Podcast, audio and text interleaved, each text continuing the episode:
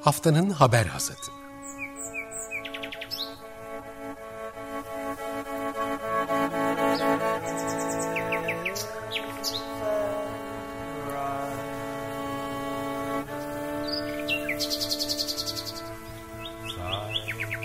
Haftanın öne çıkan iklim haberleri ve araştırmalarından okumalar ve yorumlar.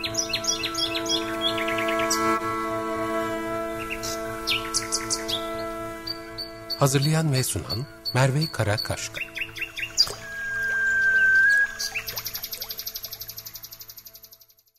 Günaydın haftanın haber hasatına hoş geldiniz. Ben Merve Karakaşka. Önümüzdeki bir saat boyunca geçtiğimiz haftanın iklim haber ve araştırmalarından özel bir derlemeyi sizinle paylaşıyor olacağım Açık Radyo'da.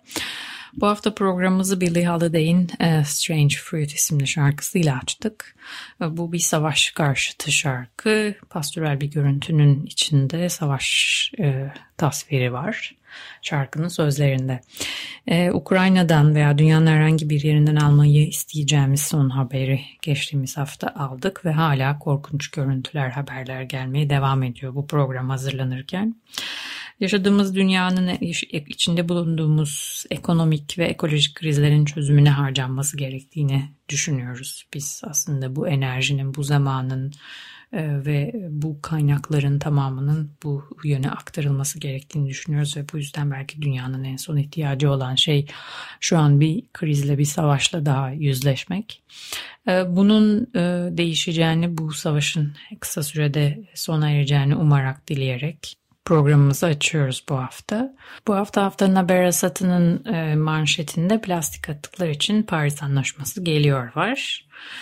Birleşmiş Milletler'in üye ülkeleri, ülkelerin ürettikleri ve kullandıkları tek kullanımlık plastik miktarını azaltmak için ilk kez anlaşabilecekleri bir küresel plastik anlaşmasının planını hazırlamak üzere önümüzdeki hafta Nairobi'de toplanıyorlar. Ee, Birleşmiş Milletler Çevre Programı'nın yönetici direktörü Inger Andersen geçtiğimiz hafta bu konuda farklı yayınlarda oldukça iddialı açıklamalar yaptı. Örneğin e, AFP Haber Ajansı'na verdiği demeçte e, bu anlaşmanın iklim değişikliği ile ilgili 2015 Paris Anlaşması'ndan bu yana en önemli çevre anlaşması olabileceğini söyledi. The Guardian gazetesi de haberi bu manşetle gördü. Plastik konusunda Paris'in iklim anlaşmasından sonra en önemli e, sözleşme gibi bir başlığı vardı, manşeti vardı haberin. E, Andersen, Inger Andersen bunun tarihi bir, bir an olduğunu söylüyor ve bu plastik atıklarla gelecek nesiller için mücadelede e, çok önemli bir fırsata sahip olduğunu belirtiyor dünyanın. E, bir anlaşma söz konusu belirttiğimiz gibi bu anlaşmanın yasa, yasal olarak bağlayıcılığı söz konusu ve e, çevre programının Birleşmiş Milletler'in çevre programının e, genel merkezi de Nairobi'de. 28 Şubat'ta başlıyor bu topl toplantı, bu zirve. Ve hala bu anlaşmanın çerçevesi şu anda hazırlanmaya devam ediyor.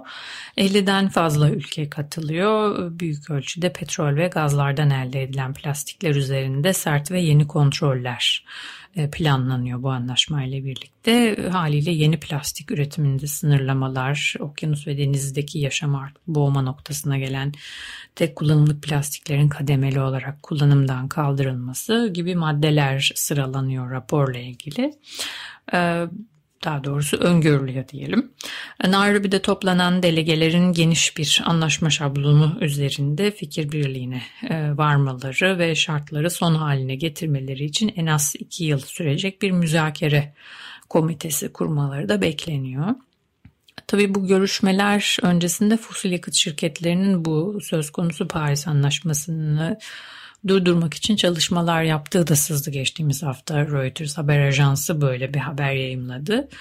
Ee, bugüne kadar plastik konusunda etraflıca bir eyleme geçilmemek de büyük bir pay sahibi olan fosil yakıt şirketleri e, bu anlaşmayı da durdurmak için e, lobi çalışmaları yapıyorlar. Habere göre Amerika Birleşik Devletleri merkezli güçlü bir petrol ve kimya firmaları grubu olan Amerikan Kimya Konseyi ACC üretim kısıtlamalarının anlaşma kapsamından çıkarılmasına yardımcı olmak için büyük şirketlerden oluşan bir koalisyon oluşturmaya çalışıyor. E, bu ACC'nin Amerikan Kimya Konseyi'nin şirketlere yolladığı e-postalara erişiyor Reuters'da e, ve haberde konseyin firmaları hükümetlerin dikkatini plastiğin faydalarına odaklayarak tartışmanın yönünü değiştirmeye çağırıyordu diyor. Örneğin mesela günümüzde herhangi bir hijyenik anlamda avantajı olmamasına rağmen COVID'in yayılmasını engellemekte tek kullanımlık plastiklerin rolünün karşınıza farklı yerlerden özellikle plastikçiler, plastik dernekleri, plastik iş insanları gibi yerlerden çıkıyorsa bunları dikkatli okumanızı tavsiye etmek gerekiyor. Haber burada bitmiyor. Ee, Amerika'daki bu Amerikan Kimya Konseyi plastik yanlısı bir ittifak öneriyor şirketlerden oluşan ve buna e, plastik kirliliğine karşı iş eylemi adını verelim diyor. Zaten iş dünyasında genellikle bu plastik karşıtı eylemlere de yine e, şüpheyle yaklaşmak gerekiyor. Şu an herhangi bir şey, bir ithafta bulunmuyorum hiçbir gruba. Yalnızca e, okurun, izleyicinin farkında olması gereken, şüpheyle yaklaşması gereken greenwashing'e karşı e, dikkat etmemiz gereken noktalar olduğu için bunların altını çiziyorum. E, ve bu e-postaya göre aylık toplantılar düzenlemeyi ve politika önerilerini hükümetlerle paylaşmayı planlıyor bu plastik karşıtı iş eylem grubu diyor haber. 28 Şubat önemli bir tarih. Ee, önümüzdeki hafta bu plastiklerle ilgili e, anlaşmayı Paris Anlaşması'nı takip edeceğiz. Aynı zamanda 28 Şubat'ta Hükümetler Arası İklim Değişikliği Paneli'nin 6. değerlendirme raporunun ikinci bölümü açıklanıyor. Bu üç bölümden oluşuyor bu rapor. İkincisi, birincisi kırmızı alarm demişti iklim kriziyle ilgili hatırlayacaksınız. İkinci parçada küresel ısıtmanın insanlık ve dünya üzerindeki etkilerini gösterecek olan bir değerlendirme raporu. Uzun araştırmaların sonucunda büyük komiteler, çok sayıda bilim insanının birlikte çalışmasıyla birlikte üretiliyor rapor. Raporda çok ciddi uyarılar geleceği söyleniyor. İklim adaleti ile ilgili önemli notlar olacağı da belirtiliyor ve iklim finansmanı konusunda da yeni bir e, söylem belki gelebilir. Bununla birlikte daha doğrusu yeni tartışmalara yol açacak söylemler gelebilir diyelim. E, bununla birlikte raporla ilgili önemli bir not sadece bilim insanlarının çalışmaları ki büyük ölçüde bunlara dayanıyor olacak yine muhtemelen ama aynı zamanda yerli halkın bilgeliğine de yer verecek olması. Bu bilimsel araştırmanın kolonyal olma eleştirisiyle birlikte son dönemlerde aynı zamanda e, tabii insan ve doğa ilişkisinde sorguladığımızda yerel yerli halkların e, bilgilerinin çalışmalara dahil edilmesi de önemli bir açılım sağlanıyor bu alanda. Bu yüzden IPCC'nin raporunda buna yer verilmesi oldukça önemli. Altın çizmemiz gereken bir nokta diye düşünüyorum. Hasatın ilk bölümünü böylelikle tamamlamış oluyoruz. Plastiklerle başladık. IPCC raporuna bağladık. Şimdi e, ikinci haberimize geçmeden önce biraz müzik dinleyelim. E, ardından haftanın haber arasında kaldığımız yerden devam edeceğiz. Açık Radyo'da Patrick Watson dinledik. Melody Noir şarkısıyla bizimle birlikteydi. Şimdi e, haftanın haber asatına yine plastiklerle ilgili bir haberle devam edeceğiz. Bu geçtiğimiz hafta Bloomberg'de yayınlandı bu haber. Görselleştirmeleriyle mutlaka görmenizi tavsiye edeceğim bir haber. Amerika'daki plastik endüstrisi ve moda arasındaki ilişki aslında dünya genelinde anlatan bir haberdi. Ee, bu habere göre her yıl dünya çapında üretilen 300 milyon ton plastiğin 5'te biri moda endüstrisi kaynaklı ve Amerika Birleşik Devletleri her yıl 11.3 milyon tona kadar tekstil atığını çöpe atıyor. Bu her saniye 2150 parça giysinin çöpe atıldığı anlamına geliyor. Bu atıklarla atıkların başlı başına bir sorun olmasıyla birlikte içerdiği plastiğin de aslında ne kadar ciddi boyutlara ulaştığını düşünmemiz gerekiyor ki bunların çoğu polyester liflerden üretiyor diyor haber. Polyester petrolden elde edilen bir plastik türü ve tekstil üretiminin bugün bel kemiği olarak pamuğu 21. yüzyılda geride bıraktı. Polyester ve diğer sentetik elyaflardan yapılan giysiler özellikle deniz yaşamına zararlı olan mikroplastik kirliliğinin başlıca kaynağı. Nasıl oluyor diye sorarsanız eğer e, bu giysilerin çoğunun çöplere atılması, çöplerden tabii e, toprağa ulaşması, işte bu yığılması elbette ki buralarda parçalanması ve topraktan suya karışması söz konusu. En önemli aslında belki konuda bir diğer önemli konuda bunların yıkandıkça e, parçalarının bu parçacıklarının mikroplastikli olarak yani evimizde çamaşır makinesinde, kurutma makinesinde bile hatta yeni araştırmalar bunun havaya saçıldığını söylüyor bu plastiklerin. E, sulardan da e, işte nehirlere çünkü arıtılması mümkün değil bugün mikroplastiğin herhangi bir şekilde arıtma sularından geçip tekrar yaşama dönüyor insanlara ve diğer canlılara ulaşıyor. Şimdi habere göre dönersek Amerika Birleşik Devletleri'nde yapılan jeoloji araştırması nehir suyu örneklerinde bulunan mikroplastiklerin %71'inin tekstil liflerinden geldiğini söylüyor. Bilim insanları küresel olarak okyanuslarda bulunan mikroplastiklerin %35'inin tekstillere kadar izlenebileceğini tahmin ediyor. Ve bu da onları dünya okyanuslarındaki en büyük mikroplastik kirlilik kaynağı yapıyor. İngiltere'de yapılan bir diğer araştırma mikroplastiklere maruz kalan deniz midyelerinin DNA'sının kırıldığını, solungaçları ve sindirim tüplerinin deforme olduğunu söylüyor. Birleşmiş Milletler'in e, çevre programına göre bugün moda küresel karbondioksit salımının %10'undan sorumlu. Sadece 2015 yılında giyim için polyester üretimi 282 milyar ton karbondioksit salımına neden oldu. Bu sadece pamuğun sebep olduğu salımın 3 katıydı diyor.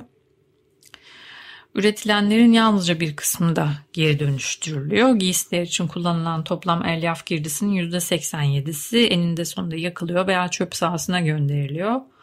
Zaten bu büyük moda markaları da satılmayan ürünlerini işte e, bertaraf etmek ve küresel güneydeki çöplükleri giysi yığınları halinde göndermek gibi pratikleri nedeniyle sık sık eleştiriye maruz kalıyorlar. E, tabii bu kıyafetler konusunda geri dönüştürülmüş polyesterden üretilen giysilerin iyiliği kötülüğü de çok tartışmalı bir konu. Yani konu plastiğe geldiği zaman e, asla yeşil olmuyor gibi bir şey söyleyebiliriz. Yani petrol türevlerinden üretilen plastikleri bahsediyoruz burada. Doğada zaten yok olmuyorlar. Yok olsa bile çözünse bile aslında o mikroplastik parçacıkları hep e, bir canlıya ve yaşama zarar veriyor mutlaka. Bu yüzden aslında en önemli, en en en belki bir ilk noktada yapılması gereken şey bunları hiç tüketmemek, hiç almamak. Bugün hızlı modanın veya e, işte çok eleştiriliyor zaten ama aslında e, yavaş olarak üreten çok pahalı satan markaların da birçoğu artık plastik elyaflar kullanıyor lüks markalar. E, bunların bu kadar büyümesi, dünya çapında insanlara ulaşabilmesi ve ucuzlamasının sebebi büyük ölçüde plastiğin bu şekilde kullanılmasına bağlı. Şunu hatırlamak lazım. Bir şeyin ucuz olması onun bedelsiz olduğu, hiçbir maliyeti olmadığı anlamına gelmiyor. Burada tam tersine e, ciddi bir haksızlık ve adaletsizlikten şüphelenmek gerekiyor böyle durumlarda. E, bu yüzden de e, tüketebileceksek bu ihtiyaçlarımızı ikinci elden karşılamak veya olabildiğince alışverişten bu anlamda uzak durmak önemli olabilir. Açık Radyo'da Daniel Ross'un dinledik. Unpeopled Space isimli şarkısıyla bizimle birlikteydi. Hasatta plastik ve plastikle ilgili çalışmaların fosil yakıt şirketleri tarafından engellemesiyle ilgili konulara değindik. Şimdi doğrudan fosil yakıt şirketlerinin fonlanması ile ilgili yeni bir araştırma var. İsveç'teki Göteborg Üniversitesi tarafından yapılmış. Bu büyük bankaların iklim değişikliğine yönelik taahhütlerinin yetersiz kaldığını tespit eden bir araştırma. Bu konuda daha önce farklı araştırmalar yapılmıştı. Bu yeni araştırmanın farkı e, söylemleriyle birlikte bu bankaların e, yıllar içerisindeki taahhütlerini de birlikte ele alması. Araştırmacılar bankaların fosil yakıt endüstrisine finansal finansman sağlama veya sağlamama kararları dahilinde üretilen fosil yakıt miktarını önemli ölçüde azaltmaya yardımcı olma kapasitesine sahip oldukları iddia edilebilir diyorlar. Ve araştırma fosil yakıt endüstrisine en fazla fon sağlayan 10 küresel bankanın 2015 ve 2019 dönemi için yıllık raporlarına bakıyor. Bankalar Amerika Birleşik Devletleri, İngiltere, Kanada ve Japonya gibi ülkelerde bulunuyor.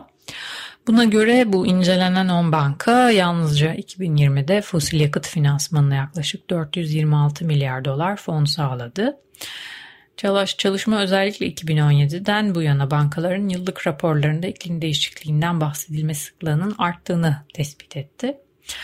Fakat bankalar fosil yakıt endüstrisindeki yatırımlarının iklim etkileriyle yüzleşmek yerine yeşil finansman fırsatlarını artırma veya elektrik tüketimini azaltma gibi daha kolay hedeflere odaklanıyor gibi görünüyor diyor bu araştırmada.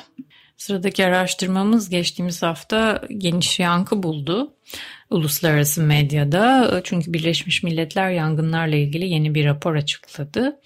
Ee, bu oldukça çarpıcı. 2030 yılına kadar ekstrem orman yangınlarında %14 artış olacak diyor.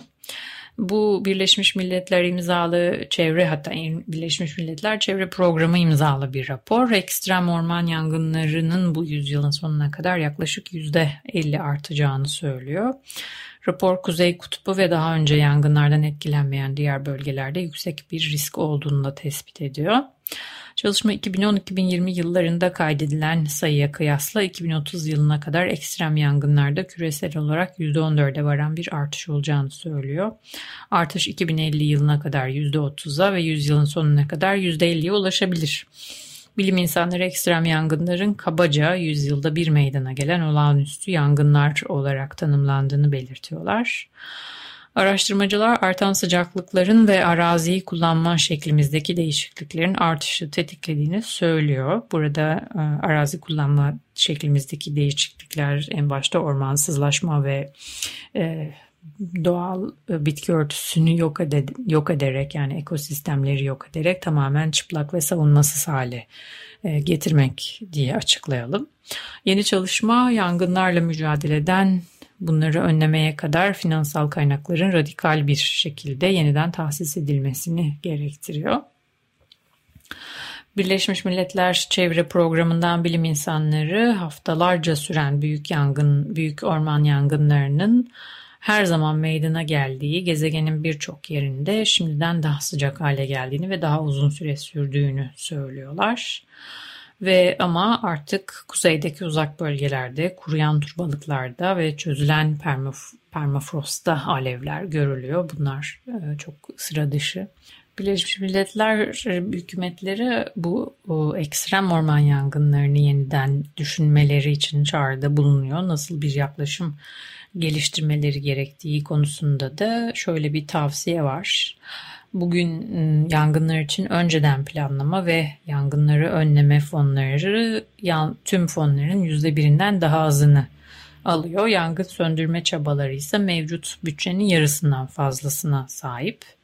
Araştırmacılar ekosistem restorasyonunun önemli rolünü kabul edilmesini gerektiğini söylüyor ve yangınlara karşı daha iyi hazırlanması gerektiği ve sonrasında da daha iyi bir şekilde yeniden inşa edilmesi gerektiğini söylüyorlar. Ekosistemlerin yeniden onarılması gerektiğini söylüyorlar.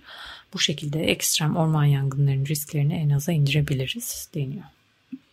Haftanın haber asatında şimdi bir müzik dinleyeceğiz. Is It True şarkısı aslında Tame Impala'nın ama onun Forte tarafından yeni bir remix yayımlandı. Onu dinleyeceğiz ardından hasata kaldığımız yerden devam edeceğiz. Açık Radyo'da Tame Impala'nın Is It True şarkısının Fortet remixini dinledik. Şimdi hasatta sıradaki haberimiz yine fosil yakıtlarla ilgili bir uyarı. İngiltere'de İklim Değişikliği Komitesi'nin yeni raporu tüketicilerin yüksek enerji fiyatlarından mağduriyetlerini hafifletmenin en iyi yolunun fosil yakıtları daha fazla tüketmek yerine fosil yakıtları kullanmayı tamamen bırakmak olduğunu söylüyor. İngiltere'de bazı muhafazakar milletvekilleri enerji faturalarını düşürmek amacıyla kaya gazı ve kuzey denizi gazı üretiminin genişletilmesini, artırılmasını istiyor. Ancak danışmanlar İngiltere'de üretilen gazın uluslararası olarak satılacağını ve tüketici fiyatını zar zor düşüreceğini söylüyorlar. Uzmanlar faturaları düşürmek için rüzgar ve güneş enerjisinin yanı sıra ev yalıtımının daha iyi bir yol olduğunu söylüyorlar. Şu günlerde Rusya-Ukrayna krizi nedeniyle gaz arzı konusunda da uluslararası bir belirsizlik var. Bununla birlikte komite yeni petrol ve gaz aranmasının durdurulması için kesin bir tavsiyede bulunmuyor ve kararı milletvekillerine bırakıyor. Haliyle çevre temelli hak mücadele örgütleri de komitenin bu tutumunu eleştiriyor ve Uluslararası Enerji Ajansı'nın tavsiyesine uymamakla e, onu e, itham ediyorlar. Ee, Greenpeace'ten Doug Parr BBC News'e verdiği demeçte çok yönlü ekonomisi ve büyük tarihsel emisyonları nedeniyle Birleşik Krallığın doğa daha fazla petrol ve gaz aranmasını engelleme konusunda önce olması gerektiğini düşünüyoruz diyor. Şimdi Açık Radyo'da bir müzik dinleyeceğiz. Jupiter Dance, Are, Hurry for the Reef Raff isimli şarkısı bizimle birlikte olacak. Ardından Hasat'ın son haberine geçeceğiz.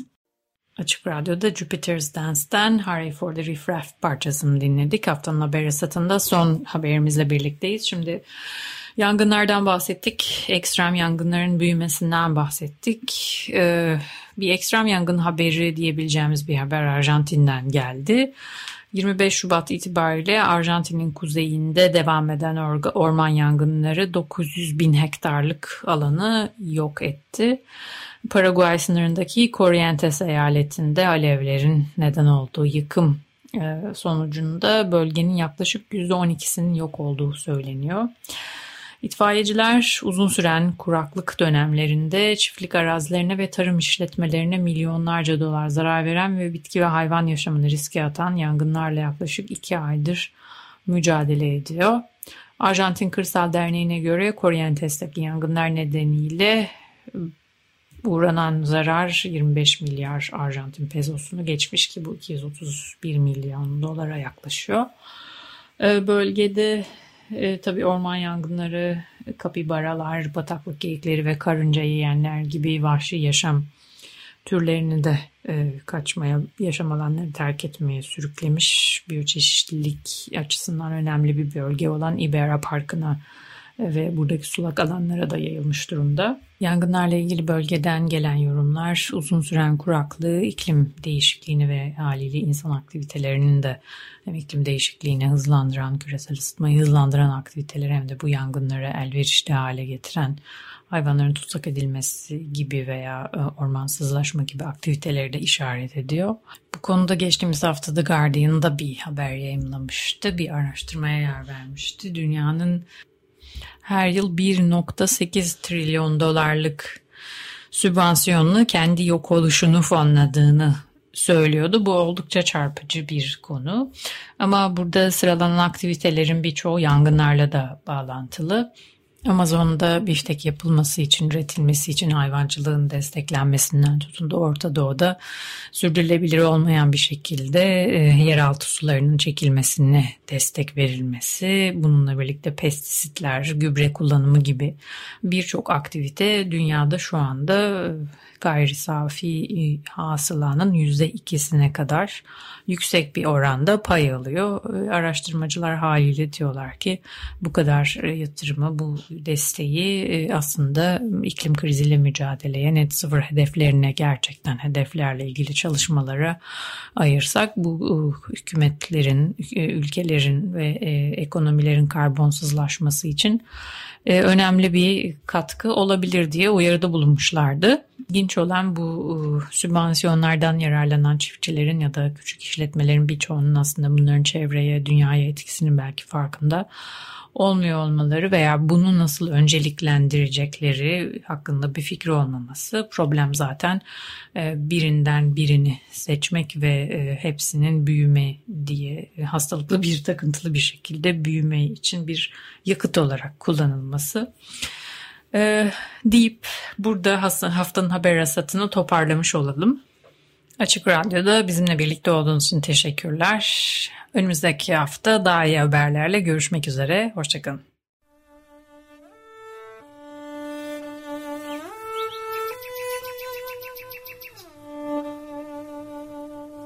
Haftanın haber hasatı.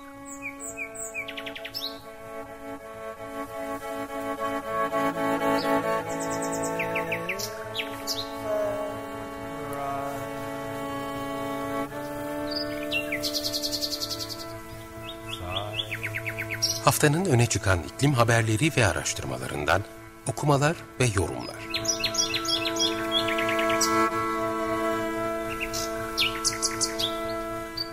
Hazırlayan ve sunan Merve Karakaşka